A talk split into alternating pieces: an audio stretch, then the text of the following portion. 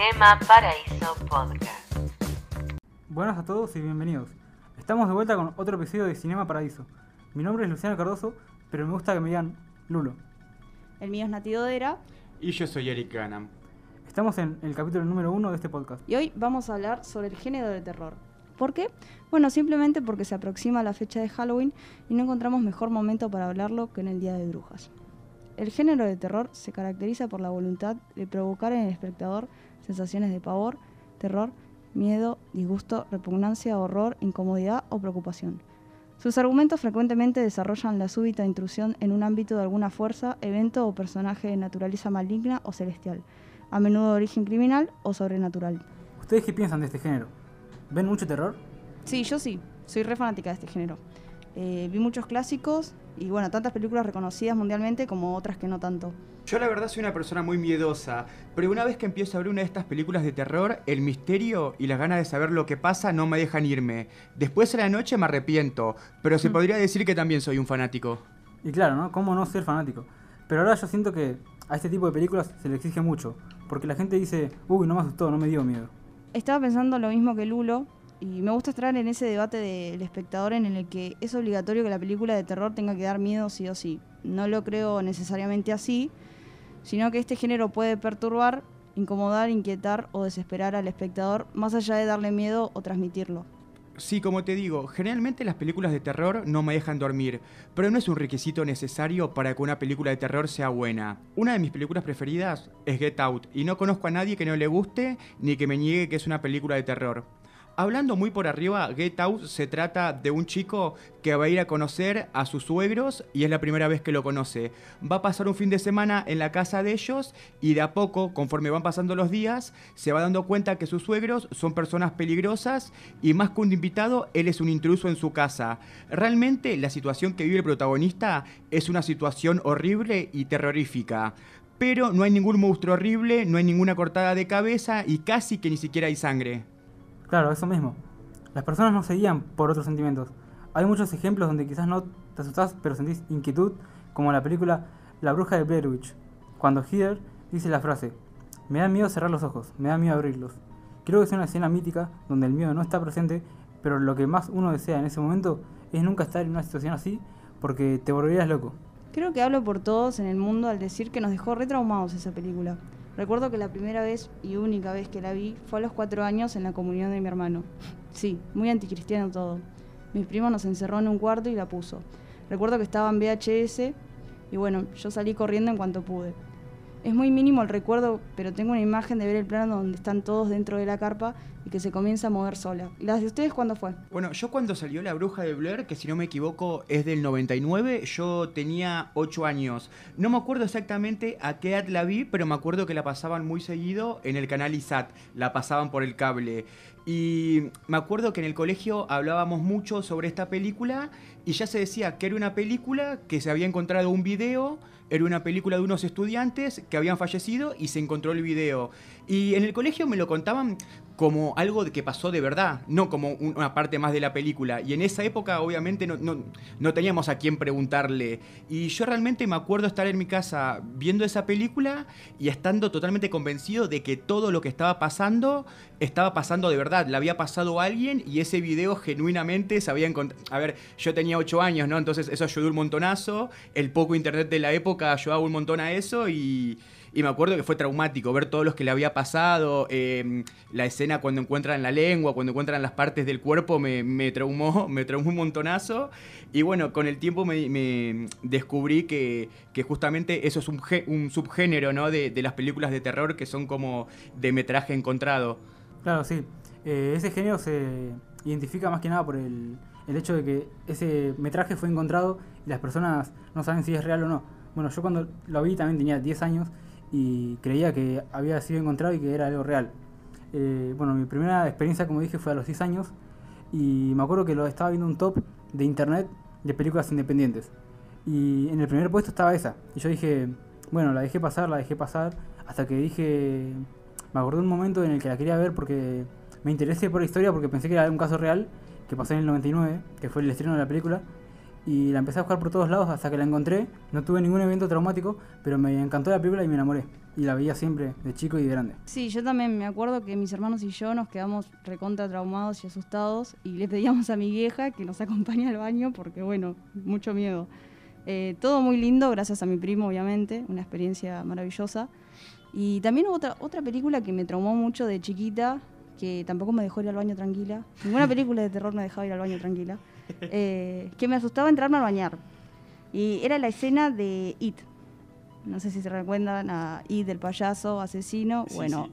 hay una escena de las duchas donde creo que es Richie el personaje, Sí. entra a bañarse y nada, pasan cosas terroríficas y me acuerdo que yo tenía miedo de irme a bañar y que me pase eso. No sé si ustedes la vieron. Sí, bueno, a mí las películas de terror no me dejan dormir y a vos no te dejan bañarte. Como que algo de, de la vida cotidiana nos arruinan. Si es una muy buena película de terror, algo de tu vida cotidiana se pierde. Yo, mira, justo a las películas de It las vi, pero llegué un poco tarde. Eh, aproveché la, la cuarentena para verlas porque las tenía pendientes. De chico las conocía, las quería ver, pero por lo menos la original dura tres horas, si no me equivoco. Es bastante larga. Entonces, creo que me veía siempre la primera hora, los primeros 40 minutos y no, no tengo más recuerdos. No sé si me dormía, si lo sacaba, pero no, no, no las terminaba de ver. Las vi ahora, como te digo, en cuarentena. eh, ya con 30 años, por suerte no, no me traumó, pero eh, la verdad cada vez que veo a Tim Curry ahí en la alcantarilla, ese payaso, eh, es escalofriante, me da un poco de incomodidad. Eh, no sé si sabían este dato, pero la película de los 90 en verdad no es una película. Como vos dijiste, tardaba, duraba tres horas en total, porque era una miniserie que se estrenó por televisión. Y nada, después se, se juntaron esas partes y se hizo película y se, se convirtió como en película muchos años después. Pero en general se lo vio en la TV, digo, porque, bueno, era una miniserie. Igual, si hablamos de traumas, de traumas de la infancia, eh, esto lo quiero decir rápido porque me pone mal. eh, la casa de los mil cadáveres de Rod Zombie, eh, me acuerdo que la vi con amigos en el cable y yo era muy chiquito y no, no sabía lo que, lo que estaba por ver. Eh, no quiero hablar mucho de la película, pero se trata de mm, un grupo de porristas, eh, un autobús de porristas que se queda en el medio de la nada y solamente hay una casa ahí y, oh mala suerte, justo en esa casa es una familia de, de psicópatas, como que te digan los de Masacre de Texas. Entonces la película es cómo, cómo mutilan a estas porristas de diferentes formas, cómo, realmente es muy muy feo de ver cómo les cortan las caras, cómo se las ponen encima. Eh, yo era muy chico, no sabía lo que estaba por ver y realmente me, me generó un trauma horrible de que cerraba los ojos y veía esas imágenes y, y la pasé mal. Realmente esa película la pasé muy muy mal. Bueno, sí, la verdad, la verdad que las películas de terror y los 10 años no van bien de la mano porque, como dijo Nati, mi trauma también fue con It y fue con la escena de, el- de Tim Curry que entrando por la rejilla y las duchas estirándose, quemando a Richie con el agua caliente, no sabiendo para dónde ir. Fue un trauma que yo entraba a la ducha y veía a Tim Curry en el piso, entraba por la bañera. La verdad que esa escena de It fue magnífica, como un solo, uno solo, un solo simple eh, escena de Tim Curry te, te genera algo tan grande para toda la vida. Bueno, como todos los programas, cada persona eligió una película, en este caso del género de terror, para que, bueno, para que la comentemos, para que la hablemos, analicemos, debatamos o lo que sea que surja.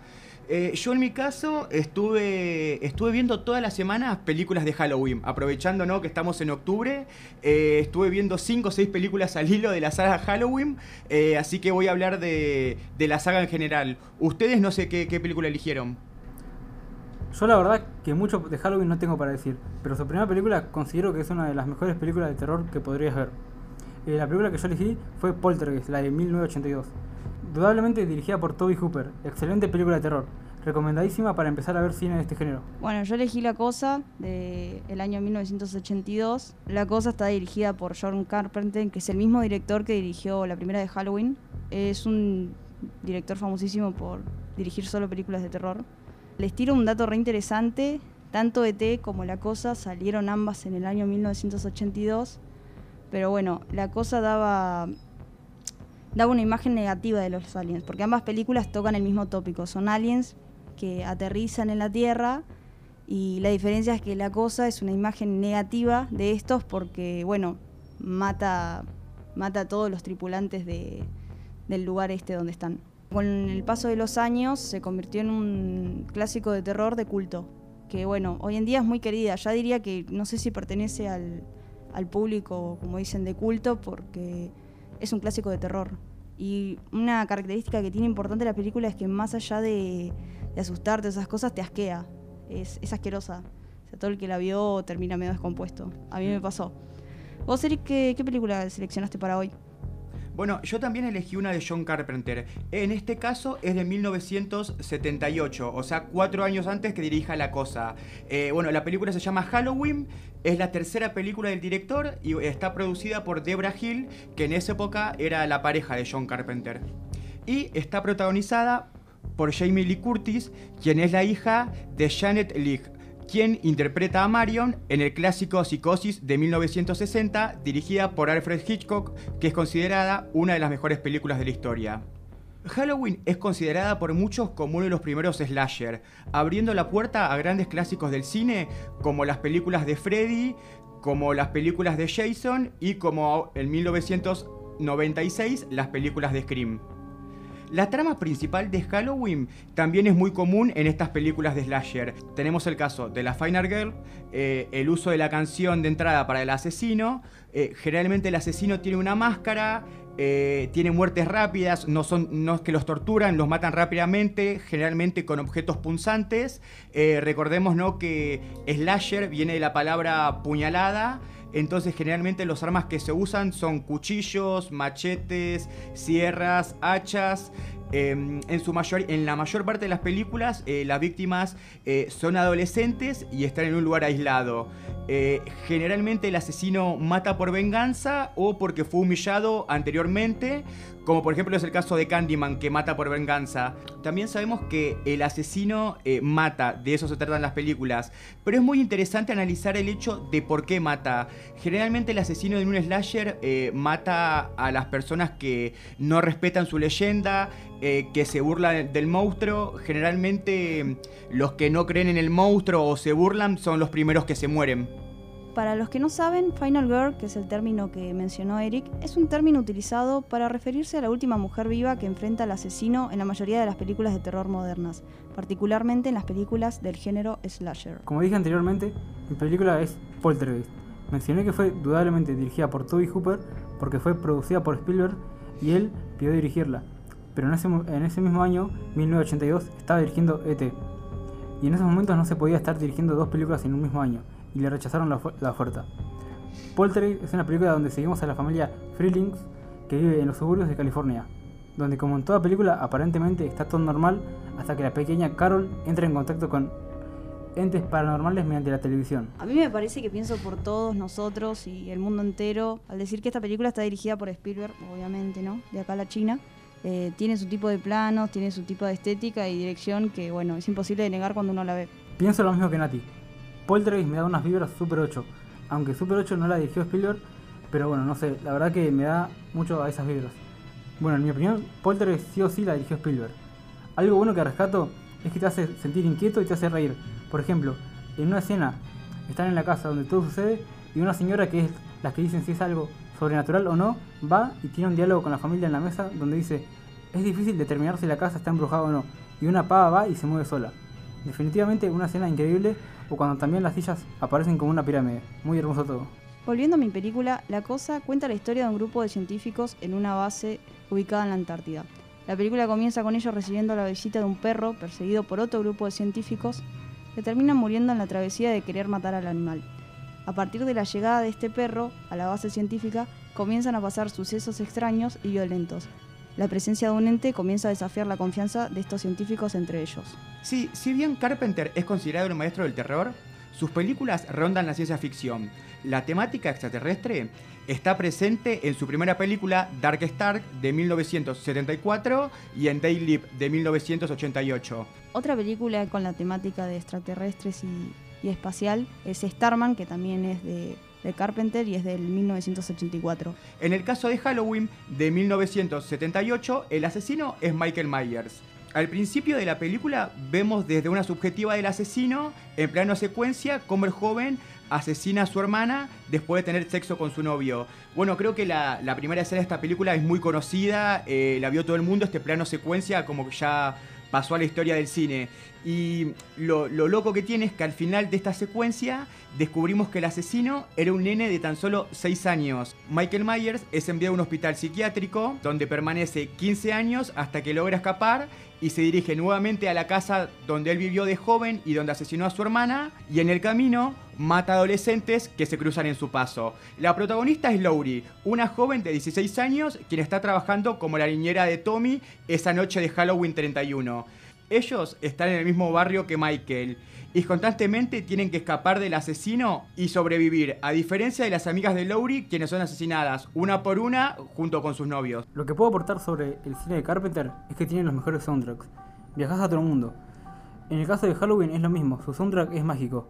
No solo te pone la piel de gallina con sus melodías, sino que te atrapa y entras en ese mundo. Bueno, el soundtrack de Halloween de Carpenter es inconfundible y una de las cosas positivas que tiene esta nueva versión del director David Gordon Green que salió en el 2018 es que vuelve a aparecer el soundtrack original de la película de 1978. Pero no es lo único, Jamie Lee Curtis vuelve a ser la protagonista, Michael Myers es interpretado por el mismo actor original y John Carpenter es el productor y se rumorea que además fue consultado varias veces sobre el guion. Halloween de 2018 comienza 40 años después de la película original.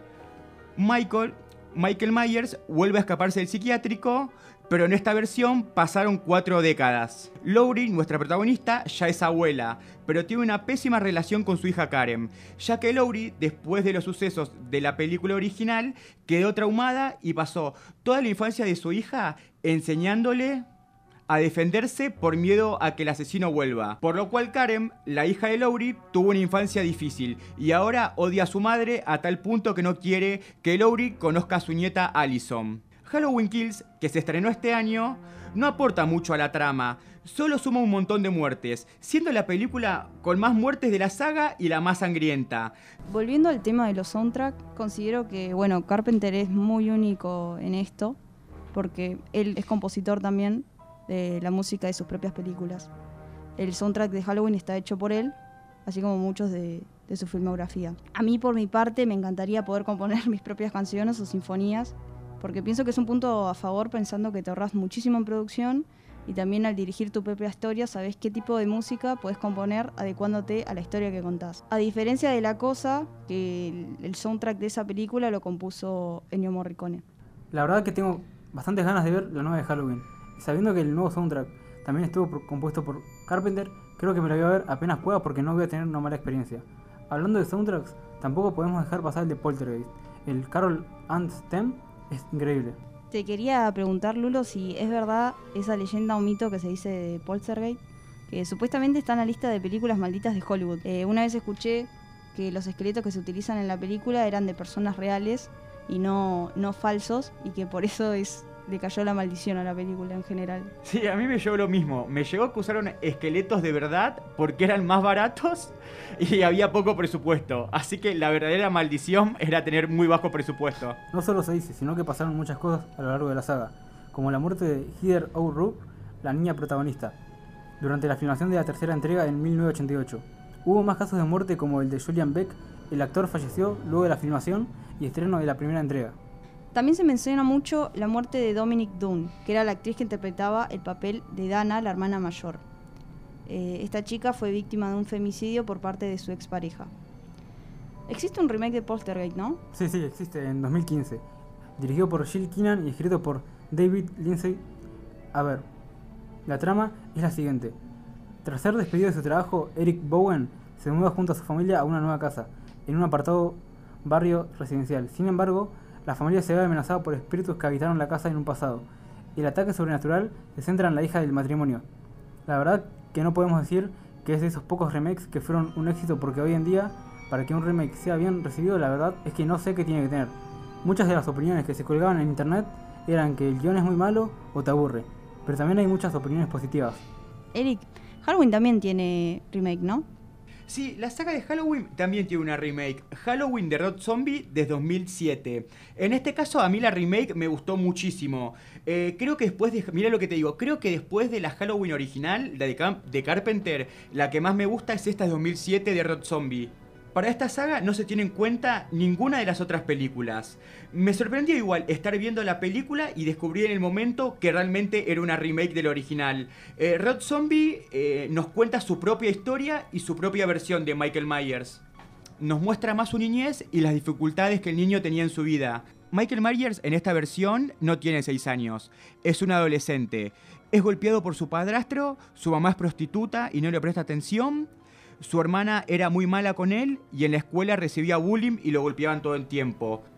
Eh, Es interesante que menciones esto porque son, bueno, creo que principios o, o inicios del personaje muy distintos de lo de, el que mencionás del remake y del original, porque la del 78 justamente no se justifica con, con los actos que recibió Michael Myers en su vida, sino que es un psicópata nato desde que prácticamente nació. Y bueno, en lo que comentás ahora, es como que todo lo que le pasa en la vida justifica o eh, amolda o crea ese psicópata en, el futuro. Mm, les venía a comentar también que La Cosa también tiene remake, que se estrenó en el año 2011. Fue dirigida por un director nórdico que no voy a mencionar porque si digo el nombre es malísimo, chicos. Eh, esta historia narra los acontecimientos previos a los mostrados en la cinta de Carpenter. Se muestra todo lo sucedido en la estación Zul, desde el descubrimiento de la nave espacial en el hielo hasta que dos supervivientes noruegos persiguen al perro infectado que aparece al inicio de la peli original. Básicamente es la misma historia, un grupo de científicos en la Antártida que pierden todo contacto con el exterior y son acechados por un ente o alienígena maligno. Tengo entendido que fue media desastrosa, que es de esperarse porque bueno, vuelvo a repetir que la cosa es una joya del cine y dejó las expectativas muy arriba. Bueno, vamos a ir cerrando este capítulo de hoy. Cuéntenme chicos, ¿piensan ver alguna peli de este Halloween? Sí, yo desde el año pasado empecé una tradición de ver todas las películas de terror posibles en el mes de octubre. Y me estoy interesando mucho en un subgénero que, que no conozco, que se llama Giallo. Que estuve investigando un poco y son películas de terror italiano que tienen elementos de misterio, de detectives, a menudo contienen muchos elementos del slasher. Eh, bueno, un director muy conocido de este género es Darío Argento, como con el pájaro de las plumas de cristal, que no la vi. Así que bueno, no me queda mucho del mes de octubre para ver películas, pero voy a hacer el esfuerzo de, de por lo menos ver estas que te estoy diciendo. Y en mi caso, Nati, eh, es una película que yo veía por Disney, que cuando estaban los especiales de Halloween en Disney, pasaban una película que es Opus, Ocus Pocus, que es Oh. una película muy conocida. Bueno, que yo donde me había enamorado de una de las brujas. Y la verdad que yo de chico no entendía nada, pero bueno, es una excelente película para reírse y pasar eh, un buen rato. Bueno, probablemente les comento que este Halloween voy a ver la cosa porque siempre oportunidad que tenga la veo. Y también quiero ver It Follows, que es una película que salió en el 2014 y es dirigida por David Mitchell. Tengo entendido que ambas películas también eh, tocan el mismo tópico que, que es la de un ente que acecha a los personajes. It Follows eh, cuenta la historia de un grupo de adolescentes que, que tienen un ente demoníaco en el que vos para sacártelo tenés que tener relaciones sexuales. Y La Cosa también es una película muy adelantada a su época. Simbólicamente tocaba el tema de- del SIDA, que todavía tampoco se, se sabía mucho de la existencia, que justamente los, los personajes en la película se contagian por medio de la sangre al ente. Pero bueno, esas son mis dos películas a ver este fin de semana. Bueno, esto ha sido todo. Los esperamos para el próximo capítulo. Nos vemos. Chao.